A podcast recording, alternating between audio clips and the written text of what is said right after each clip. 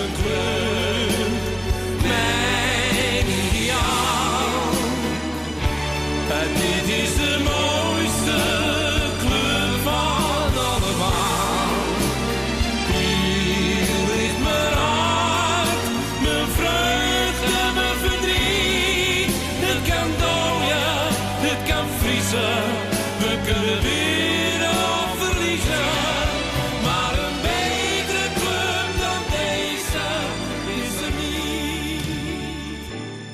Ajaxide, tof dat je weer luistert naar een nieuwe aflevering van Mokum FC.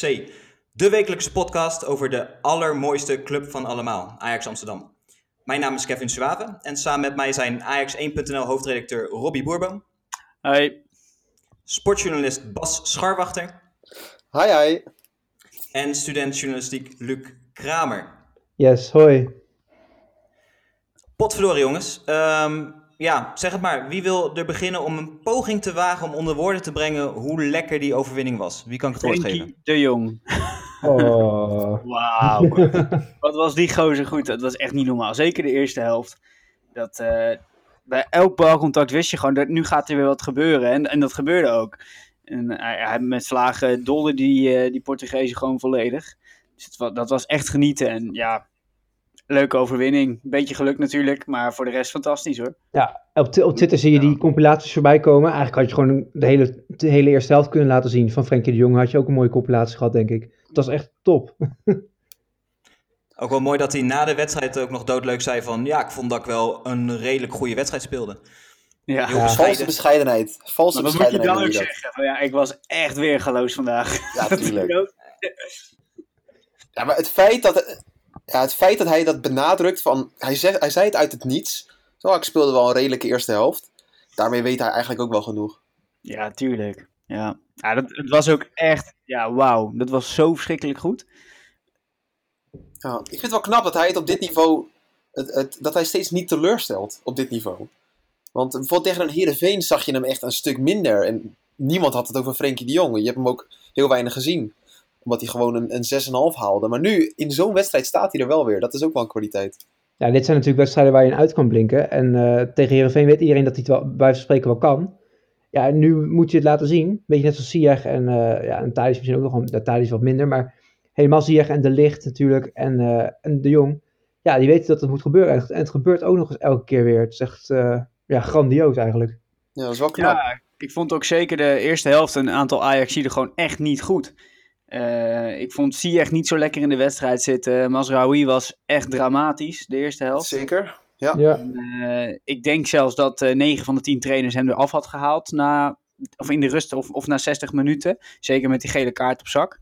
nou, dat zeiden we ook in de groepset met tegen z'n allen. Jongens, die moeten toch uit eigenlijk. Nou ja, inderdaad. Maar dat, dat dacht ik ook op de tribune. Maar ja, achteraf natuurlijk heel mooi dat hij dat niet gedaan heeft. Want, eh, sorry eh, Bas, maar Christensen had die bal er nooit ingeschoten. Nee, dat, denk, nee, dat is ook weer zo. Ja, ik ben vervent eh, liefhebber van Christensen geworden. Maar eh, ja, eigenlijk vind ik wel... Kijk, het pakt achteraf goed uit. Maar het was wel een enorm risico van Ten Hag om hem überhaupt te laten staan. Niet alleen met het risico op een rode kaart, maar ook gewoon eh, door het spel. Het was eigenlijk best wel, best wel heel Ja. erg matig. Net als tegen Ja. Bayern, die eerste helft. Tot die goal van Mazraoui. Ehm, Het is nu jammer dat hij zo laat scoorde. Anders had hij nog een hele goede tweede helft kunnen spelen. Maar eigenlijk stond Mazraoui stond ook tegen de beste man van, van Benfica, wat natuurlijk super gevaarlijk is. Want die, die Rafa, die, die had eigenlijk de brommer meegenomen vanuit Portugal. Die kon rennen, jongen. En, ja, die eh, speelde heel goed. Ja. ja, die speelde super. En dat, Gevaarlijke dat, dan is het natuurlijk helemaal gevaarlijk als je Mazraoui er tegenaan zet, die best wel vaak wat balletjes verkeerd aanneemt of verkeerd paast. Eh, ja, het was best link dat hij hem liet staan, vond ik. Maar ja, Dat zou je uiteindelijk... bijna uit- vergeten, hè? In, in Ja. die eerste vijf minuten moet Benfica gewoon twee keer scoren. ja, Ja. echt. eh, Niet alleen de eerste... Althans, ja, Qua wedstrijd had het alle kanten op kunnen gaan. Het was echt, echt Ja. een lekkere pot om te zien, hoor. Het ging ook echt alle kanten op. Ja, Eh, ja, zeker in de eerste helft, maar ook de tweede helft wel. Echt eh, continu, ja, probeerden ze allebei weer een aanval echt op te zetten. En deden daar echt alles aan. En werd er snel naar voren eh, gespeeld. Dat was echt heel leuk om naar te kijken. En, en ja, uiteindelijk trek je aan het langste eind. Dat is natuurlijk eh, ja, heel erg mooi. Maar ja, het had mij, ik had me volledig neergelegd bij 0-0. Volledig. Maar, hoe- maar hoe lekker is het dan ook? Want je hebt vaak van die wedstrijden van Ajax dat ze allebei vol gas geven. En dat ze allemaal tot het laatste voor die kans willen gaan. Steeds echt dat volle aanval. Maar heel vaak gebeurt het dan dat Ajax toch net tekort komt, waardoor ze verliezen. En dat er nu de laatste minuut dan toch wint in zo'n wedstrijd. Dat voelt ook misschien nog wel dubbel zo lekker eigenlijk, denk ik. Beetje een PSV-timing, hè? Ja, een beetje. Een beetje. Ja, maar ook omdat hij inderdaad compleet uit het niets viel, die goal. Want Oh. vanaf, de, vanaf die kans van Van de Beek, dat laatste kwartier, ik weet niet of, misschien vergeet ik één kans hoor, maar er is eigenlijk niks meer gecreëerd. Nee, zeker niks niet groots. En in de 82e minuut of 92e minuut was, waren, eh, zo, excuus, waren Blind en De Licht aan het overtikken achterin. Zo van, het is eigenlijk wel prima. En toen kwam er nog één rare bal van Blind, eigenlijk een hele slechte bal. Alleen het is dat die verdediger van eh, Benfica hem compleet verkeerd raakte. Die een hele goede wedstrijd speelde, die centrale verdediger. Eh, Ja. Ja, Had Dolberg heel lastig tegen, tegen die twee, eh, absoluut. twee van die Dolberg was ook, eh, ijzersterk. Ja, Ja. en dan- ik vond hem niet per se slecht, maar hij had het wel echt heel moeilijk. En, en eh, ja, die had ik er zelf ook al eerder afgehaald eigenlijk. Ik, ik had denk ik na 70 minuten Tadic gewoon in de spits gezet en, en Dolberg eraf gehaald eh, om met Neres de diepgang er extra bij te gooien. Dat had ik gedaan, Ja, denk ik. Wat ik heel erg miste bij Dolberg is dat hij totaal niet balvast was. En dat zie ik wel vaker bij hem. Het is ook zo lekker voor de ploeg als de spits de bal even bij zich kan houden. Even de rust bewaren. Maar ja, of alles schoot van zijn voet af, of er werd gewoon te goed druk gezet. Ik weet niet precies waar het Nou, aan het lag. zat Ik zat in het stadion. In het fysieke aspect hoor, dat idee had ik tenminste. Want die twee jongens stonden continu in zijn rug en drukten hem gewoon naar voren. Eh, waardoor hij vaak eigenlijk zelfs een soort van voorover klapte. Eh, en, en dus de bal eh, daardoor niet eh, bij zich kon houden. Ik denk dat dat er ook mee te maken had. En, en misschien dat dat dan ook weer te maken heeft met wedstrijdritme. Dat zou heel goed kunnen. En dan had je natuurlijk ook nog een scheids die, die niet voor de kleine valpartijtjes gelijk een eh, vrije trap gaf. Ja, en, Zo. en daardoor kreeg je... Ja, dat was wel, wel een mogol van de scheids trouwens. Maar, eh, ja, sorry. stellig. Nou, Knip, knip dat er maar uit. Maar eh, in ieder geval... het- dat, zo'n piep. ja, maar daardoor krijg je ook nog die balletjes niet eens mee als hij in zijn rug wordt geduwd. En eh, daardoor kwam het heel knullig over op mij, dat, Do- wat Dolberg deed. Ja, het is niet anders. maar Kevin en, ehm, en Luc, zaten jullie in het stadion? Eh, nee, ik was thuis. Nee. Oké, want eh, Robbie, jij wel.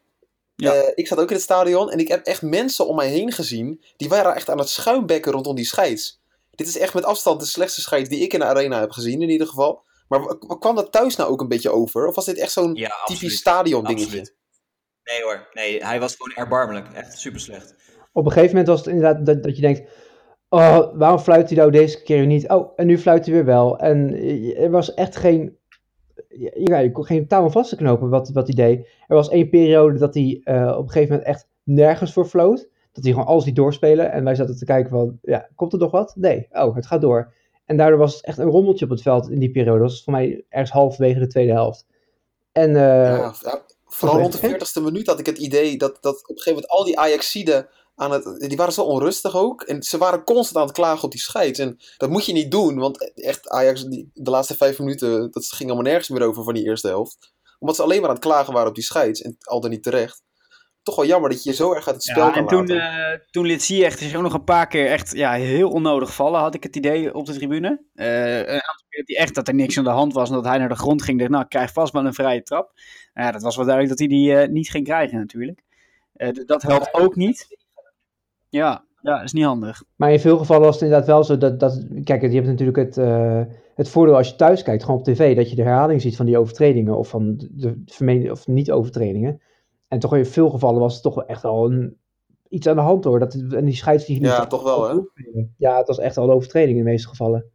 Maar die scheids... Ja. En was hij Trouwens, consequent eh, geweest, dan had hij in de tweede helft ook eh, volgens mij tot twee keer toe zelfs een tweede gele kaart moeten trekken eh, voor eh, Benfica-spelers. hè.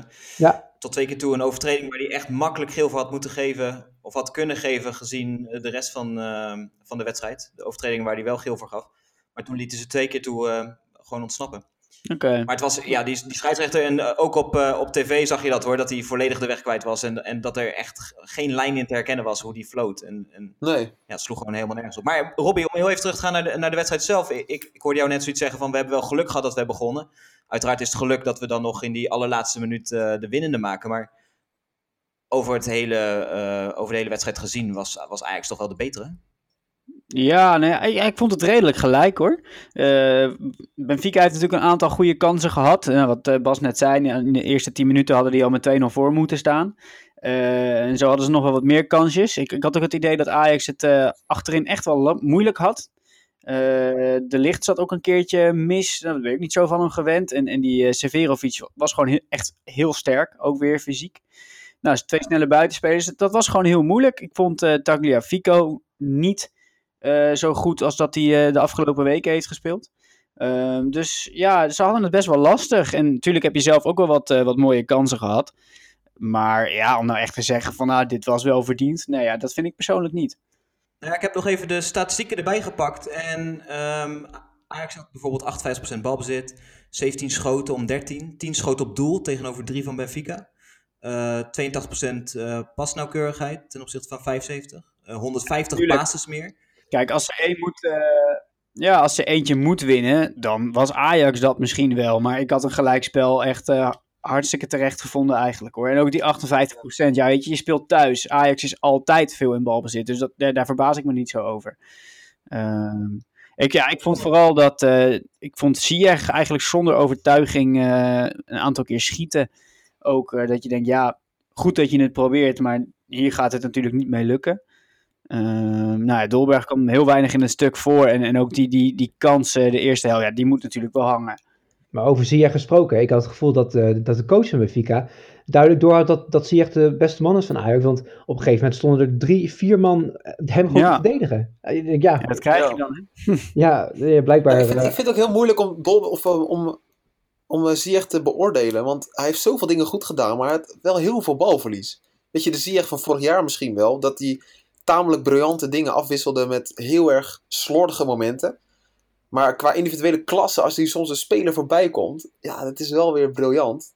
Maar wat jij zegt, eh Luc, die drie man eromheen, daar had hij echt heel veel, eh, heel veel moeite mee eigenlijk. Dat deed Benfica wel goed. Ja, Ja. nee, precies. Dat deed Benfica heel goed. En daar kan Ziyech ook niks doen. Het is dan alleen een zaak voor Ajax dat ze dat herkennen. Dat ze dan gewoon zien dat er dus blijkbaar eh, twee man van Ajax vrij zullen lopen. Want er staan drie man bij Ziyech. En daar werd dan wel weer een Ja. beetje weinig gebruik van gemaakt.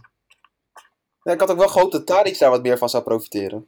Ja, maar die vond ik wel sterk spelen de eerste helft hoor. Die, eh, die hield de bal heel goed bij zich. En, eh, Maar hij miste wel snelheid. Op, op een gegeven moment zag je toch wel echt Ja, dat dat hij wel echt snelheid. Ja, ja. precies.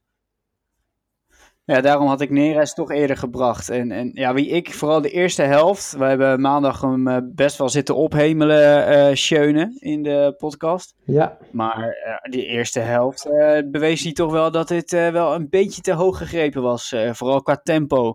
Wanneer hij verzint om in te gaan stappen, is die speler al drie stappen weg. Dat, dat was echt ja, schrijnend eigenlijk. Maar jij begint over eh, Neres. Van, van Jip Jansen kregen we een vraag ingestuurd. Die vroeg zich af, wat vonden jullie ervan dat eh Neres eh, werd gepasseerd... terwijl hij juist tegen Bayern bijvoorbeeld eh, zo sterk speelde? Ehm, Bas, wat vind jij ervan? Nou, ik, ik- de timing is een beetje ongelukkig voor Neres geweest. Want hij, volgens mij was de wedstrijd tegen Bayern zijn laatste wedstrijd eh, in de basis. Meen ik, of ik ben één wedstrijdje vergeten. Nee, klopt. Ja, terwijl het eigenlijk misschien wel zijn sterkste wedstrijd was dat hij heeft gespeeld. Dus ehm, dat is wel een beetje pijnlijk voor hem, dat hij juist in die wedstrijd gewisseld is. Of na die wedstrijd. Maar als ik kijk ook naar het spel, denk ik dat het eigenlijk wel heel logisch is. En ehm, we hebben in deze podcast het ook vaker besproken van ja, wie wordt dan het slachtoffer? En ja, dan was het toch de keuze tussen Van de Beek en Neres. En dan kan ik wel begrijpen dat je ook met iets meer eh, vastigheid op het middenveld kiest voor Van de Beek. Ja, ben ik het helemaal mee eens. Want je gaat Tadic en Ziyech ga je niet eh, passeren. nee, maar ik had wel wellicht Neres toch, ja, toch eerder laten komen. Op een gegeven moment was het gewoon echt leeg bij heel veel spelers. eh, Vooral bij Dolberg. En ik had gewoon, eh, je had Neres, om iets te kunnen provoceren op snelheid, had ik Neres toch veel eerder gebracht. Want je weet ook dat Neres beter is dan die vijf minuten die hij mocht spelen. Laten we eerlijk zijn. Nou ja, ook die vraag werd ons gesteld, ditmaal door Wilco van der Kolk. Die, die vroeg zich af waarom Ten Hag niet eerder wisselde. Ja, Want, dat weet ik ook ehm, niet. Kijk, eh, Hij, hij werd er nog op geattendeerd door zijn, door zijn assistenten zelfs. Hè? Want volgens mij, als je de Telegraaf moet geloven, was hij zelf helemaal niet van plan om te wisselen. Ja, de Telegraaf is natuurlijk helemaal, eh, die moet zich er niet mee bemoeien. Dat is weer typisch iets eh, om even een beetje stennis te schoppen. Dus Ja, dat- maar feit dat is wel dat hij inderdaad zo lang wachtte voordat hij überhaupt zijn eerste wissel doorvoerde. Dus hij, hij was wel een beetje vasthoudend aan, aan, aan de spelers die hij had staan. Maar dat is toch vreemd. En vooral, vooral als je ziet dat, ja, maar toch een aantal spelers, Frenkie de Jong, die zat er echt doorheen. Eh, Dolberg kon geloof ik ook wel een wissel gebruiken. Eh nou ja, Schöne had je misschien ook wel eraf kunnen halen. Dat hij dan toch zo lang wacht, terwijl je toch ziet dat door zo'n wissel dat je ja, toch een, een, een spel kan openbreken. Ja, hij zei, hij zei zelf. Hij zei zelf dat ze lekker in de wedstrijd zaten. Maar dat viel volgens mij wel mee. Vooral die tweede, helft, tweede deel van de tweede helft. Vond ik ze niet lekker in de wedstrijd zitten. Maar Ten Hag bleef volhouden dat het wel zo was. Dus, ja, Maar heb je na de wedstrijd gaf hij daar uitleg over. En toen zegt hij ook van, ja, dat, je, dat ze het eh, middenveld graag bezet wilden houden. En met Neres krijg je heel veel diepgang. Maar je wordt ook heel kwetsbaar in de omschakeling. En daar heeft hij toch best wel gelijk in. Want in de omschakeling word je veel zwakker met Neres, die veel minder mee verdedigt. Eh, omdat hij prominent voorin aanwezig eh, wil zijn. Dus je levert wel heel veel in als je hem wisselt. Ja, aanvallend gezien de enige eh, die die op dat moment uit had kunnen halen, al zeg maar een half uur voor tijd, was Dolberg. Eh, ja, dan is het Dolberg, ja. Ja, die komt natuurlijk terug van een blessure, zat niet heel erg lekker in de wedstrijd. eh, was moe, dat kon je ook wel zien, had het zwaar tegen die twee bomen. Dan moet je hem eruit halen en dan kan je of Neres brengen en dus voor de snelheid kiezen. Of je kiest voor Huntelaar met het neusje voor de goal. Kijk, Dat zijn je twee opties die je dan hebt. Ja, ik had dan Neres gebracht. Dat was de wissel die hij misschien had moeten doen. Voor de rest snap ik wel dat hij een Frenkie de Jong laat staan. Die, die was in zo'n bloedvorm, die moet je er niet uithalen, ondanks dat hij moe is. nee, mee eens. Aan de andere kant heeft Weber natuurlijk wel laten zien dat hij, dat hij mee kan. En dat, dat zou wel een mooi alternatief zijn op het moment dat je ziet dat het toch een, een speler een beetje eh, zware benen heeft. Ja, ga je wel, eh, wel veel wisselen, hè? veel wisselingen doen om één speler Ja. in te brengen. Dat, dat zou Dat ik in zo'n wedstrijd niet zo heel gauw doen. Moeten we nog iets zeggen over dat Weber op de bank zat?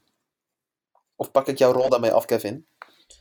Nee, absoluut niet. Ik vind het een uitstekend punt wat je daar eh, Oh. inbrengt. En we hebben het erover gehad in de vorige podcast, waar jij zelf helaas eh, niet bij aanwezig was. Maar we, we, we liepen een beetje vast, want we waren aan het eh, bespreken, ja, hoe, hoe ga je beginnen tegen Benfica? En, en we hadden eigenlijk allemaal heel veel moeite om dat in te vullen, omdat ja, we zo ontzettend veel keuze hebben tegenwoordig. En vooral gezien ja, ook toch wel de vorm waar Weber in verkeert. Waren in het begin misschien wat makkelijker om Weber af te schrijven. En nu heeft hij zich gewoon bewezen dat het best wel een volwaardige eh ja, basis-elftal-speler kan zijn. En zo moet je meerdere keuzes maken, hè? ook op het middenveld en, en, en voorin. Dus eh, ik vond het verrassend, maar eh, wellicht wel de meest logische keuze, de meest makkelijke keuze ook voor de trainer. Maar ik weet niet hoe de achteraf, rest er ja, maar tegenaan achteraf gezien, denk, Achteraf niet. denken jullie dat Weber, eh, ja, dat, dat, dat hij nodig was geweest achteraf? Want ik denk het namelijk wel tegen die Severovic. Nou ja, je hebt gewonnen met 1-0. Dus ja, niet per se. Kijk, eh, uiteindelijk eh, hebben Blind en De Ligt natuurlijk eh, al meerdere wedstrijden bewezen dat ze daar samen hartstikke goed kunnen staan. En ook nu eh, vond ik het goed staan. Hadden het af en toe wel moeilijk tegen Severovic. Maar ja, ik weet niet of Weber daar nou heel veel extra aan had betekend. Ja, maar ook omdat Blind heel sterk speelde. Ik vond Blind echt fantastisch tegen Benfica. Als centrale verdediger. En dat is ook al een tijdje terug dat hij dat goed heeft gedaan. Want dan zou je dus Schöne moeten slachtofferen voor, voor Weber. Dat is het dan eigenlijk. En dan blind doorschuiven. Ja, Blind heeft nog steeds wel zijn, zijn blindje, hè, één keer in de wedstrijd. En dan letterlijk een blinde bal, gewoon in de voeten van de tegenstander. oh ja, die heeft wel meerdere hoor, per, per wedstrijd. Ja, dat hoort, dat hoort een beetje bij blind. Maar hij heeft ook wel die, die slimheid af en toe. Je zag hem bijvoorbeeld bij zo'n hoge bal. Dan weet hij, weet hij bij zichzelf, ja, dat ga ik niet winnen tegen die Severo- Severovic. Dus dat doet hij. Hij laat een stapje terug en laat de Severovic gewoon doorkoppen. En die komt dan zo in de benen van Blind. Of Blind had af en toe juist dat hij instapte op het moment eh, dat hij, als hij op snelheid er voorbij was geweest, die Rafa, dan was hij, had Blind hem nooit meer bijgehouden. Alleen juist doordat hij instapte, ja, hij kon hij nog net op tijd ingrijpen. Dus dat is wel die slimmigheid die Blind dan ook wel weer heeft. Qua positionering is hij echt, echt ja, het, veruit het verst in deze selectie. Hij, Ja. hij staat eigenlijk altijd wel goed. En daardoor kan hij heel veel goed maken ook, eigenlijk. Door zijn, Ja, hij is heel sloom, laten we daar eerlijk over Ja, zijn. zijn gebrek aan snelheid eh, lost hij op die manier op en dat is hartstikke slim. Eh, en daardoor eh, is dat gewoon een uitstekende kracht, op welke positie hem je ook neerzet. Nou ja, slinks buiten weet ik het niet. Maar Ja, Bas. Bas, waarom wil je mij links buiten zetten? nee, maar je hebt wel gelijk hoor, inderdaad. Die kans van eh, Van der Beek, had hij er nou ingemoet of was het gewoon een fantastische redding? Oh, jezus nou. Goeie redding hoor, dat was een goede redding. Ja, die keeper redt hem heel knap, maar volgens mij moet hij hem gewoon in de, in de, in de korte hoek langs de keeper heen schuiven, toch? Maar ik denk, iedere voetballer weet hoe dit voelt. Eh, je, je krijgt die bal en eigenlijk heb je zoveel ruimte. Dat, tenminste, ik ervaar dat altijd als voetballer met mijn beperkte techniek. Hoe meer ruimte je krijgt, hoe moeilijker het wordt. Ja, is ook zo. En volgens, het is zo chaos als je denkt, oh, ik kan elke hoek uitkiezen. En uiteindelijk kies je dan toch niks. En eh, ja, hij koos gewoon verkeerd. Hij had hem gewoon moeten schuiven en dan was het een, eh, nog ineens eh, moeilijk geweest qua goal. Ja, ik weet niet hoe het in het stadion was, maar ik stond thuis. Ik, ik was eigenlijk al een soort van aan het juichen, want ik denk, ja, die kan het toch niet missen. En hij schoot hem ook nog best wel goed en hard en half hoog. Waar normaal gesproken zou je denken, die gaat erin. Ik was al bijna aan het juichen eigenlijk. Ik had en toch had ik trouwens... dat, ik had, ja, ja, zeg maar Bas, zeg maar. Nee, ik had het nog meer bij Dolberg, bij die kans. Ik vind toch, als Dolberg één op één komt met een keeper, dan denk ik van, dit is hangen. En bij Ja, Dolberg... dat was moeilijk hoor. ja. Het gebeurde vlak voor mijn neus. En, en die keeper die maakte zijn goal wel, wel goed klein. Alleen ja, Toen, toen ik hem aan, aan zag nemen en dat ik zag dat hij niet eh, voor, die, ja, voor dat rechtervoetje, dat hij hem zo erlangs schoof, maar voor links ging, toen dacht ik, oei, dat kan wel eens een verkeerde keuze zijn eigenlijk. En helemaal met Dolberg in... Nou, hij raakte hem ook verkeerd, hè? ja, hij raakte wel niet vol, nee. Hij wilde hem gewoon door de benen spelen. En dat, dat lukte ook, want dat gat was er zeker. Maar dat, dat ging niet helemaal lekker, omdat hij hem niet goed kon drukken. Dat zei hij later eh, ook nog. En bij Van der Beek, ja, dat is toch een beetje... eh, je raakt hem, je hoopt maar dat, je, dat hij de kant op gaat waar hij heen wil gaan. Maar dat, dat, dat, dat je als keeper zijnde nog even je hand uitsteekt en gewoon echt met, met de platte hand gewoon uit je goal houdt. Dat is ook wel klasse van die keeper Dat hoor. is knap, hoor. Die sowieso Dat erg goed was. een goede keeper. Ja, heel goed. Ja, zeker. Maar goed, ondanks die gemiste kansen eh pakte dan toch gelukkig nog de overwinning. Dat, eh, fantastische explosie ook in het stadion aan, aan geluk. En ik moet ook eerlijk zeggen, ik, ik zat na de wedstrijd zelf, moest ik echt even bijkomen. Want ik vond het, behalve dat het natuurlijk ontzettend fijn was dat Ajax hem won, vond ik het gewoon een fantastische wedstrijd ook om te kijken. Ik denk voor de neutrale kijker dat het ook echt een hele leuke wedstrijd is geweest om naar te kijken. Ehm, maar toen zocht ik even de stand erbij op. Ik denk, laten we eens even kijken hoe dat er allemaal uitziet. Staan we gewoon bovenaan, hè? Boven Bayern, boven Benfica. Wie had dat verwacht vooraf? Ja, op, is op, toch... basis van, op basis van alfabet, volgens mij. Ja, het goed ja, ja, precies. Want we hebben evenveel goals, evenveel tegengoals. Deze, is wel, deze is wel leuk. Dat is wel gewoon een klein, grappig detail. Je moet gewoon, als je een voetbalclub opricht, moet je hem gewoon eh, iets met A noemen. AA Gent.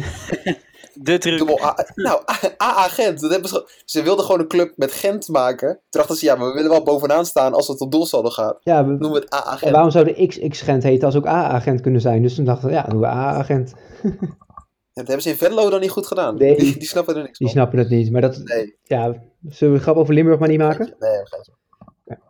Nee, maar denk even, denk even terug aan die jaren onder Frank de Boer. Dat we, dat we zo aan het eh, zwoegen waren in de Champions League. En, en keer op keer weer echt weggetikt werden door een Real Madrid of een, of een AC Milan. Alhoewel, dat, dat laatste viel wel mee. Maar dat we eigenlijk geen rol van betekenis speelden Europees. En dat we bij voorbaat al wisten, nou ja, die, die groepsfase gaan we niet doorkomen. En eh, laten we hopen dat we de- in de Europa League nog wat eh, kunnen presteren. Als we überhaupt mee mogen doen. Maar nu sta je gewoon... Ja, je staat gewoon bovenaan in, in, in de Champions League pool na drie wedstrijden. Dat is... eh, ja, ik vind het echt fantastisch om te zien hoe we, hoe we onszelf weer een beetje aan het opkrabbelen zijn van die periode. En dat we nu weer gewoon een soort van semi-serieuze naam aan het worden zijn in Europa. Dat is toch fantastisch? Ah, mag ik er wel aan toevoegen dat de lotingen uit de tijd van Frank de Boer met Manchester City, met een AC Milan, eh, wat hebben we, Barcelona, Pa- Paris Saint-Germain, Real Madrid. Ja, dat, dat, dat- Bru- eh, be- hoe heet het? Borussia Dortmund. Er zat nooit echt een Benfica bij. Ja, dat was niet misselijk. Dat waren echt, echt klote Maar dat, altijd. maar dat doet niet onder voor deze prestatie natuurlijk. Want niemand had alsnog verwacht dat, dat, dat we er na drie wedstrijden zo had- hadden voorgestaan. En dat is super lekker. En die positie waarin je nu zit is eigenlijk gewoon ideaal. Je kan vrij rustig aandoen als je nog. Maar is dat zo? Nou, ik vind, ik denk, Eigenlijk is het... Je hebt toch gewoon één puntje meer dan, dan je verwacht had? Als je even heel chauvini of ja, chauvinistisch, hoe noem je dat? Als je gewoon eh, met een Ajax hart denkt, dan moet je gewoon twee keer thuis winnen. ja, maar in de praktijk, Ja, maar die vind ik wel heel optimistisch hoor, want onderschat Benfica niet. in de praktijk weet je dat je ook tegen bedoel, kan eh, verliezen. En dat je ook tegen... eh, Dat, dat je in de Europa League en in de voorrondes altijd zat te, zat te struggelen daarmee. En dat je dan nu, na zoveel jaar terug in de Champions League, dan zomaar wint van Benfica. eh, wat, en dan van Bayern dus een puntje pakt. AEK gewoon ver- verplettert. En nu nog één wedstrijd hoeft te winnen. En dat je gewoon door bent naar de, naar de ja, knock-out fase. Dat Ja, daar heb je ook weer gelijk niemand gedacht hoor. Nee, dat is ook wel zo. Nou, aan de andere kant denk ik wel, als je dan die loting ziet, dan weet je wel, met AEK en Benfica thuis, dat, eh, dat zullen minimaal vier puntjes zijn. Tuurlijk, je En weet... dat, ja, dat het al zeven is natuurlijk waanzinnig. Ja, En eh, inderdaad, als je van Benfica wint, dan ben je al door, hè? Dat is het. Ja, En als je gelijk speelt van Benfica en je wint van AEK, dan eh, ben je ook eh, door. ja, het is een positie waar je, waar je heel graag in zit. en nou moet het ook eigenlijk gewoon klaar zijn. Tenminste, als je nu ja, als je het nu wil, kan doen als, als club zijnde. Ik denk ook dat ze ook vol, als ze, als ze niet gemotiveerd waren, dan is het nu wel. Want je weet gewoon, als je wint daar, dan ben je gewoon door. Dat is natuurlijk super. Ja, wordt wel een pittig potje. Er wordt wel, eh, want voor Benfica wordt het ook lastig, want die moeten dus alles of niets gaan spelen. hè. Die moeten winnen van Ajax, want gelijkspel is niet voldoende. Want als eh, het gelijkspel wordt, hoeft Ajax alleen maar, zeg ik even tussen haakjes, te winnen van eh AEK. En dan, eh, dan ja. Ik verwacht, Is het ook ik klaar? verwacht Dus wel een aanvallende alles- Benfica, ja inderdaad. Die gaan echt vol op de aanval. Maar dat levert ook wel weer ruimte op voor Ajax, wat lekker is. Dus dan moet je met Neres spelen? Vraagteken. Eens, ja. En Dolberg. En Weber. Ja. En, Nee en. Blind, wel en Blind op middenveld. ja, denk- ik denk het wel.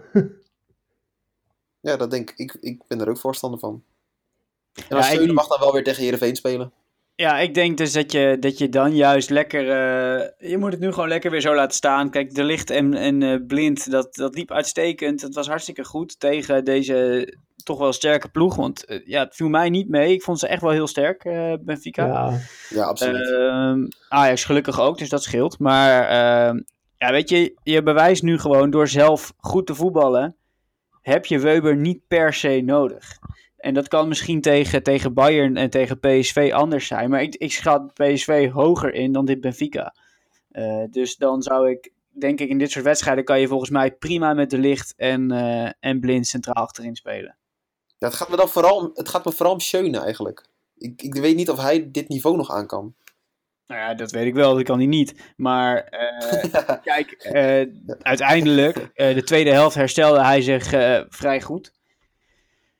Maar nadat hij zo uitblonk tegen Herenveen, want toen speelde hij gewoon echt uitstekend. en maakte hij ook nog een mooie goal. Dan, dan is de overgang naar het tempo van Benfica ook wel heel groot. Want die wedstrijd ging maar op en neer. Ja, daar moet Schöne het niet van hebben, nee. Nee, en juist dan als het, als het gaat stormen, de, de gaten worden waarschijnlijk groot daar in eh, Portugal. Denk ik niet dat je daar Schöne, dat je Schöne aan moet doen om, om, dat, ja, om hem te laten spelen. Ben ik van mening. Maar het is wijsheid die we ook al meekregen van de spelers van Ajax. Eh, we zitten daar nog niet met ons hoofd, want we kijken voornamelijk naar de klassieker uiteraard. Aanstaande zondag gaan we eerst nog even spelen tegen Feyenoord. En volgens mij is iedereen, zelfs de Feyenoord-spelers zelf, zijn er heilig van overtuigd dat Ajax gaat winnen. Ik vind dat wel een beetje gevaarlijk. Nou, Van Persie eh, zei wat anders, hè? Die eh, was niet zo... Ja, die gelooft dat Ajax eruit wordt, hè? Ja, die dacht echt, ik doe niet mee aan de Hosanna. Nou ja, dat hoeft hij van mij ook niet. Maar eh, ik weet wel dat hij zaterdag of zondag met een eh sikkeneurig bekkie van het veld afstapt. Want dat, dat, Ajax gaat gewoon winnen. Kijk, dat staat Hij noemde. Ajax, hij noemde Ajax een hype. Dat vond ik echt opvallend. Ja. Ja, dat is ook heel droevig vooral. Dat, dat Ajax overhyped Dat is. is, dat, dat is gewoon dat, dat, Ja. dat, vieze, dat vieze taaltje van die Rotterdammers. Ja, ja dat, dat is gewoon het spelletje wat zij spelen. Luc, hou je in. Ja, ik word daar, bo- ik word Oh, ja. daar boos van. Als, als van, helemaal zo'n grote naam als Van Persie dat soort dingen zegt. Want hij weet toch zelf ook dat het echt onzin is. Dat ze kansloos zijn. Maar aan de andere kant, wat moet hij dan? Hè? Kijk, je bent aanvoerder van Feyenoord en dan moet je zeggen... Ja, eh, weet je, ik ga de bus niet in. Heeft helemaal geen zin. Eh, supporters, ga lekker wat anders doen. eh, plan een date in of wat dan ook. En, en ik ga vooral niet, naar die arena toe. Ja, dat heeft natuurlijk helemaal geen zin. Maar Van Persie reageerde heel netjes, hè? Want als hij, hij zei, ik, ik noem Ajax Ajax en Amsterdam. En ik heb het niet over 020 of 010. Ik doe niet mee aan dat soort spelletjes. Dus volgens mij deed hij juist het heel netjes verwoorden. Alleen slaat dat, dat hele hype-ding, dat slaat helemaal nergens op. Maar toch, en ik hoor het nu ook weer bij jou, Robbie. Ja. We denken er wel heel makkelijk over, hè? En de klassieker, is dat niet gewoon een... Ja, het is een beetje cliché, maar is het geen wedstrijd op zich? Ja, 11 tuurlijk. tegen maar- 11? Maar je hebt toch Feyenoord de laatste weken ook zien voetballen, hè, weet je. Eh, als Van Persie en Berghuis het niet hebben, zijn ze kansloos. Want de rest van die ploeg is gewoon echt ontzettend zwak. Jurgensen is absoluut nog niet in vorm. Achterin lijkt het echt helemaal nergens op daar. Eh, en het middenveld ben ik ook niet heel erg van onder indruk. Want ja, die Klaasie, dat is nou volgens mij een hype. Want dat valt toch ook allemaal wel erg mee. Eh, dus ja, kijk, ik heb Berghuis nog niet vaak goed zien spelen tegen Ajax. Wordt vaak een beetje opgefokt in zulke wedstrijden. Eh, dan heb ik er alle vertrouwen in. Echt waar. Tuurlijk. Ja, als, Ajax, als Ajax niet wint, zou het gek zijn. Toch? Want Ja, joh. Als, je, als je een kop moet verzinnen, dan is het eh, Feyenoord stunt in de arena met gelijkspel. Dat is de kop als het een gelijkspel wordt. Ja, dat denk Nou, ik ook. stunt weet ik niet, maar de stunt is natuurlijk als VVV dat doet. Maar het zou een enorme verrassing zijn als Feyenoord gelijk speelt. En dat is gewoon op basis van de selectie, op basis van het spel. ehm, en zeker nog niet op basis van de ranglijst, want het gat is nog altijd maar twee punten. En dat verschil moet eh, natuurlijk groter zijn. Inderdaad. En ik had het er vandaag met een collega over. Kijk, eh, Van Persie gaat daar op 10 staan. Waarschijnlijk. Ik verwacht dat Jurgensen in de spits start. Nou ja, Van Persie is net zo snel als Schöne. Dus wat dat betreft zie ik daar al geen probleem in. Dus ja. En nogmaals, ik denk dat Berghuis... Ik heb hem nog niet vaak zien uitblinken in topwedstrijden. Ik vind hem een hele goede voetballer. Maar in topwedstrijden zie je hem vaak niet. Nou ja, dan... eh, ja, dat zijn de enige twee waar je rekening mee moet houden. De rest kan er niks van. Zeker Larsson. En je had het ook over die twee, over die twee, je had het ook over die twee punten, eh, dat verschil. Maar ik denk dat dat het verschil in vertrouwen daarentegen wel echt een stuk groter is. Dat, dat Ajax, dat zit nou een beetje op een soort van eh, roze wolk, denk ik, qua vertrouwen en hoe goed het Witte, gaat. witte wolk. Ja, een beetje. Ja. En ik denk dat het er bij Feyenoord, Ja. dat ze echt met de staart tussen de benen, ook al zeggen ze van niet, maar dat ze toch met de staart tussen de benen naar de arena komen. Terwijl het verschil maar twee punten is. Tuurlijk. Die zijn doodsbang, want als die weten, als het bij Ajax gaat lopen, dan, dan gaat- wordt het gewoon heel pijnlijk voor, Rot- voor die Rotterdammers die dag. Ja, sowieso. Ja, Ik vind wel dat de laatste jaren, de, de laatste edities, merk je toch vaak door, om nog maar eens eh, zo'n woord van stal te halen, door de hele hype om die wedstrijd heen, dat het de kwaliteit niet ten goede lijkt te komen. Zowel van beide kanten hoor. Dus nee, va- vaak zie je toch dat het niveau, eh, ja, ik heb het nu over meerdere jaren terug, Ja, over eh, gewoon de laatste vijf jaar zeg maar, dat, dat die wedstrijden kwalitatief niet altijd even hoogstaand zijn. En dat kan wel een nadeel spelen van Ajax nu. Als, ze als er een vechtwedstrijd van weten te maken en, en dat het een beetje slaan en schoppen wordt bij wijze van spreken. Ja. Maar dat was Benfica, dat was Benfica bij wijze van spreken eigenlijk ook. Dat was ook meer een soort van, op een gegeven moment meer een vechtwedstrijd dan echt goed voetbal. Ja, en, en ik denk dat Feyenoord daar niet zo de ploeg voor heeft. Kijk, Van Persie is geen vechtvoetballer. Berghuis niet, Larsson niet, eh Klaasie eigenlijk ook niet. Eh, achterin die twee backs, ja, dat is, je Sint-Juste is op zich een, misschien een beetje een vechtvoetballer, maar dan houdt het ook wel op. Dan heb je ook nog Van der Heijden daar staan. Nou ja, die is natuurlijk opgeleid door Ajax. Dat is alles behalve een vechtvoetballer. Dus, dus dat is ook niet meer zo. Kijk, eerder had je nog El Amadi daar lopen, die gooit de beuk er wel in, weet je wel. Dat soort jongens, dat heb je nu ook niet meer. En ik denk ook dat Klaasie, eh dat, had voor mij Feyenoord en het publiek van Feyenoord daar wel meer van verwacht, van die Klaasie. Want dat, dat is nog steeds, vind ik, onder de maat wat hij laat zien. Ja, ik heb het daar nooit zo in zien zitten. maar Nee. Kan Maar voordat hij wegging had je altijd nog wel dat, dat je af en toe dacht, oh ja, een mooi, mooi paasje van Klaasie, mooi afstandsschot. Ja, nou ja, mooi, weet je, gewoon goed.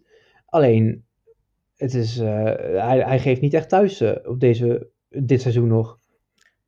Nee. Het is wel mooi dat de terugkeer van Daley Blind werd op een gegeven moment ook gespiegeld aan die van, eh van Klaasie, toch? Ja. Want waar Ajaxiden zeiden van, ja, maar wij hebben Daley Blind teruggehaald. Ja, maar wij hebben Ja, Klaasie. terwijl Klaasie voor mij in Engeland niks heeft laten zien. Eh, terwijl bij United eh, was Daley Blind toch nog steeds heel erg geliefd. Ook al werd hij, speelde hij onder Mourinho niet altijd. En op het, laatste, op, op het laatste helemaal niet. Alleen, die heeft nog wel het een en ander laten zien bij United. En dat heeft de Klaasie duidelijk niet. Die is gewoon mislukt. Precies. Maar om heel even terug te keren naar de opstellingen. We hadden het al over wat we tegen Benfica zouden doen. Maar laten we eerst even kijken naar Feyenoord. Houden we vast aan dezelfde elf als, eh, als afgelopen dinsdag? Nee. Nee. nee, we waren natuurlijk net tot de conclusie gekomen dat, eh, dat we liever dan eh, Bl- Blind op het middenveld hebben. En dan voor Schöne. Ja, tegen Ja, Benfica. dat was eigenlijk tegen Benfica, maar tegen Feyenoord ook hoor. Prima. Ik vind Feyenoord... eh, we gaan gewoon ik nu eh, drastische wijzigingen doorvoeren. Nee, één wissel. Dat is eh Schöne voor Weber. En dan Blind aan het middenveld. Dus dat zijn drie wissels. Ehm, en dan Van de Beek wel laten staan. En dan Neres, sorry, grote vriend, maar je komt er wel in eh, in de tweede Ja, ik helft. zou misschien toch met Neres. Wat mij betreft, hè. Ja, ik- En Christensen de rest nee, oh. Nou, daar ben ik het dan niet mee eens. Maar ik denk dat Neres, ik vind dat Neres, eh, helemaal tegen die houterige verdedigers van Feyenoord, bijvoorbeeld Van de Heide, denk ik dat Neres veel meer eh, kan uitrichten dan een Van de Beek. Die toch meer, inderdaad toch meer die beuk erin is. Ja, ik denk dat Van der Beek ook kan gebruiken hoor. Denk ik. Taric in de spits. En dan Dolberg gaan slachtofferen. En dan met Neres als linksbuiten. Kan je Van de Beek ook laten staan. Dan heb je met Van de Beek nog de diepgang die, dan, die je met Dolberg eigenlijk wil. En heb je Neres voor snelheid. En heb je Tadic die zich toch in laat zakken. Want Dolberg gaat ook geen duel winnen van Botteguin en Van der Heijden. Zo eerlijk moet hij ook Tuurlijk zijn. wel joh. Ja? Bottegien is nog wel sterk, maar Van der Heijden, dat is natuurlijk gewoon echt een beetje een droog kutje. Dat lijkt helemaal nergens. Ja, daar kan je helemaal niks mee, toch? nee. Nee, maar ja, ik kijk ook gewoon naar de lengte en zo. Het is, eh, Ja, maar dat is gelijkwaardig, denk ik. Dan kan Dolberg veel beter koppen. Dus en nog, ja, ik zou gewoon met dezelfde elf starten. Gewoon lekker zelf gaan voetballen, niet aanpassen. En, en, en zij gaan de indruk krijgen als Weber daar straks ineens met de basiself gaat warmlopen. Oh, kijk, ze stellen een extra verdediger op. Ik, ik hoor het zo helemaal zeggen. En dat, dat moet je gewoon lekker niet doen. Je moet gewoon zelf gaan voetballen en ze gewoon met 3-4-0 naar huis Ja, sturen. en dan hangt eh, Ten Hag hangt een hele grote poster in de, in de kleedkamer vlak voor de, vlak voor de aftrap. Met daarop Ajax is een hype. En dan denken ze al, ah jongens, we pakken ze. En dan komt het allemaal goed. Ja, die eh, psychologische oorlogsvoering, ja. We gaan het zien, maar ehm, het, is, Goed. het Het is wel jammer dat de, de uitfans er in ieder geval niet bij aanwezig zijn. Eh, vandaag kwam dat bericht naar buiten hè, dat eh, Ajax die stand, stond daar best wel welwillend tegenover. Alleen dat eh, de directie van Feyenoord zou er een beetje moeilijk over doen. En dat zou voornamelijk te maken hebben, volgens Ajax Live in ieder geval, dat het voor Feyenoord financieel te onaantrekkelijk is om, om uitsporters toe te laten. Nou, daar zijn ze later op teruggekomen. Het schijnen de ongeregeldheden rondom PSV Ajax van vorig seizoen te zijn geweest. Dat de reden is om, om het dit jaar nog niet te doen. En nu gaan ze in januari 2019 om tafel zitten om te kijken of het voor volgend seizoen wel haalbaar is. Nou, nee, ik heb wel iets gehoord daarover. Maar ik weet niet of dat. eh, ik weet niet of ik dat mag zeggen eigenlijk. Eh, Volgens mij is dit wel algemeen bekend. Ik hoop het wel eigenlijk. Maar dat eh, Ajax een plan op tafel had gelegd. Waarbij Ajax-supporters dan een vol vak in de kuip kregen. Dat had Ajax dan eh, gevraagd. Maar dat er maar een deel van het uitvak voor de Feyenoorders in de arena was. En eh, daar was Feyenoord het niet mee eens. Hm. En hoe kom je bij deze informatie? Telegraaf? Ja, dat... ja Oh, nou, nee, niet. Nee, nee, kan ik niet zeggen.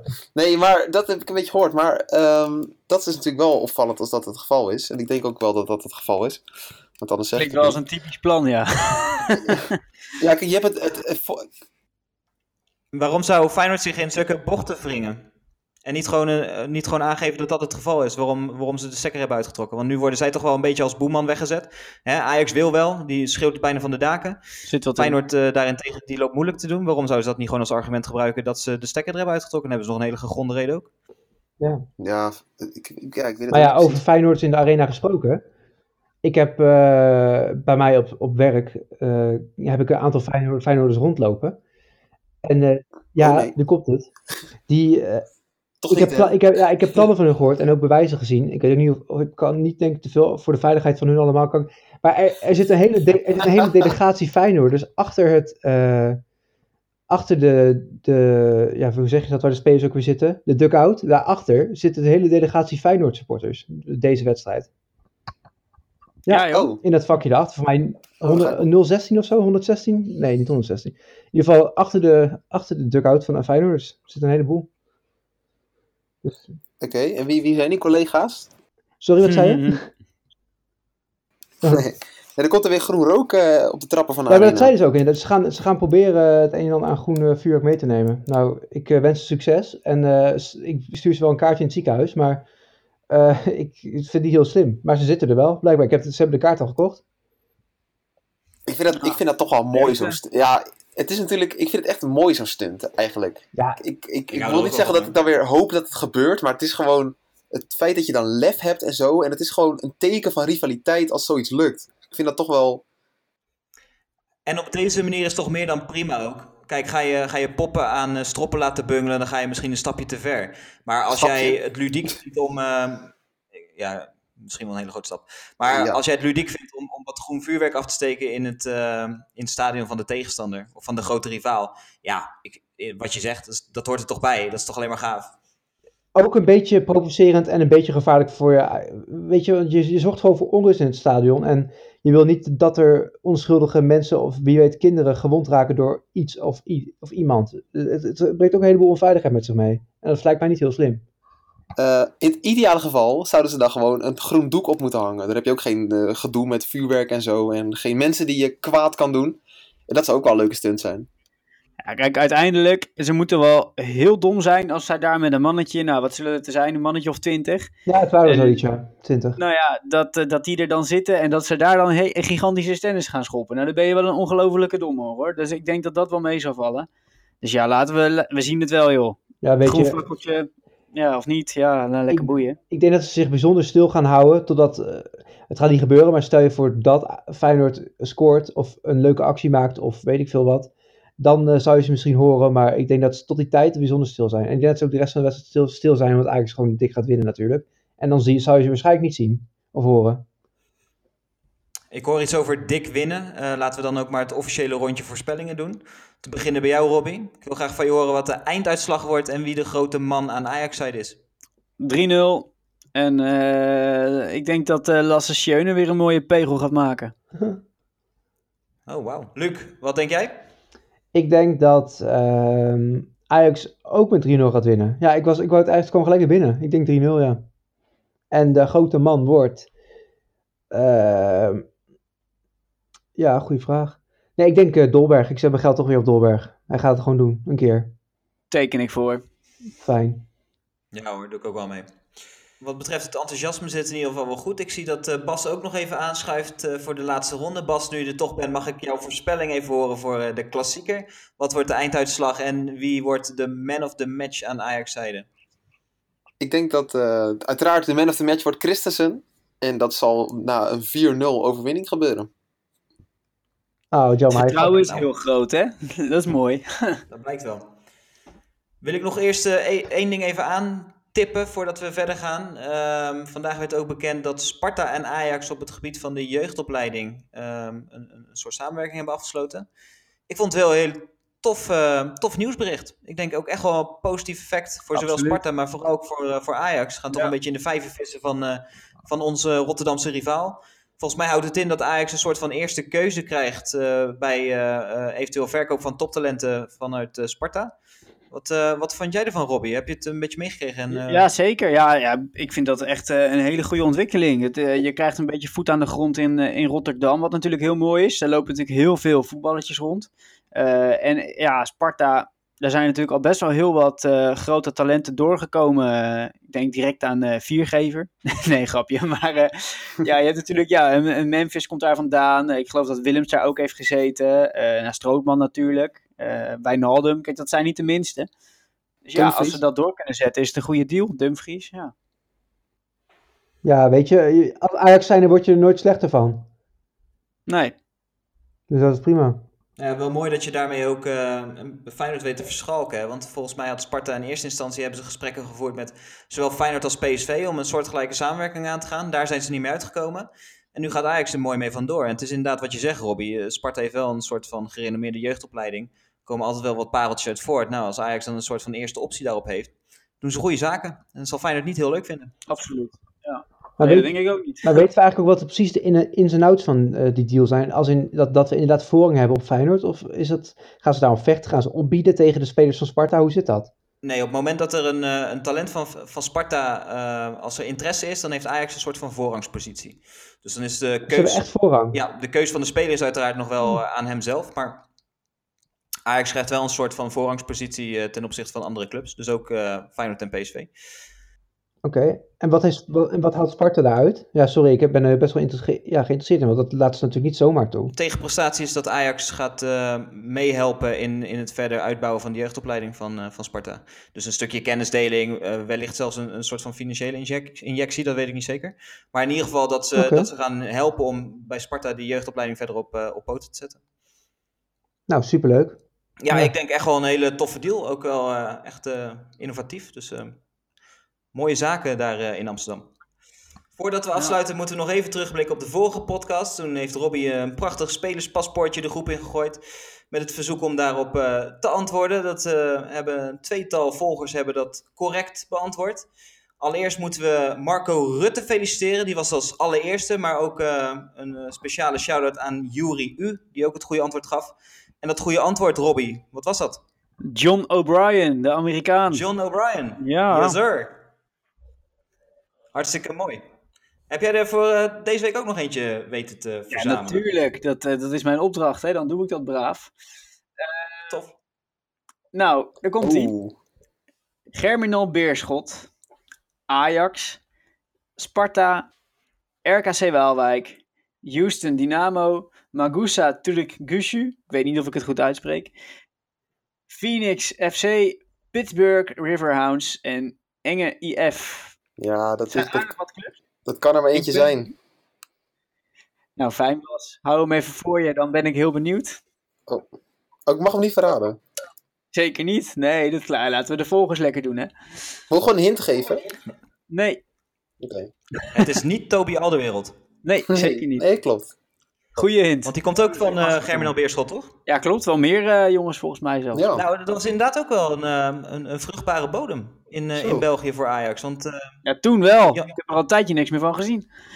nee, volgens mij is dat ook opgehouden eh, al enige tijd geleden, die samenwerking. Ja, ik wou net zeggen, die bestaan toch niet meer? Sterker Nog wel?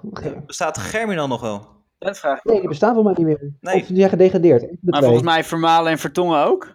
Toch? Ja, Nou ja, in ieder geval eh, Vertongen, geloof ik. En toen kwam Mats Rits ook nog over, Klopt, volgens mij. Dat Ook. ook Ja. top, hè? Ja, dat, dat was topje. Nou ja, dat was wel zo'n speler waarvan je in de jeugd dacht van... ja, dit kan hem best wel worden. Volgens mij ook omdat hij in mijn voetbalmanager game het ook fantastisch deed. Nou, precies. Ja, bij mij ook. ja. En volgens mij is hij nu wel weer redelijk, eh, redelijk goed bezig, hoor.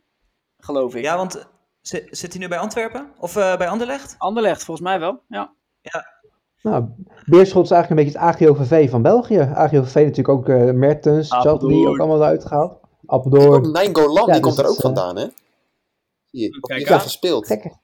En eh, Wesley Sonk, op. Jelle van Damme.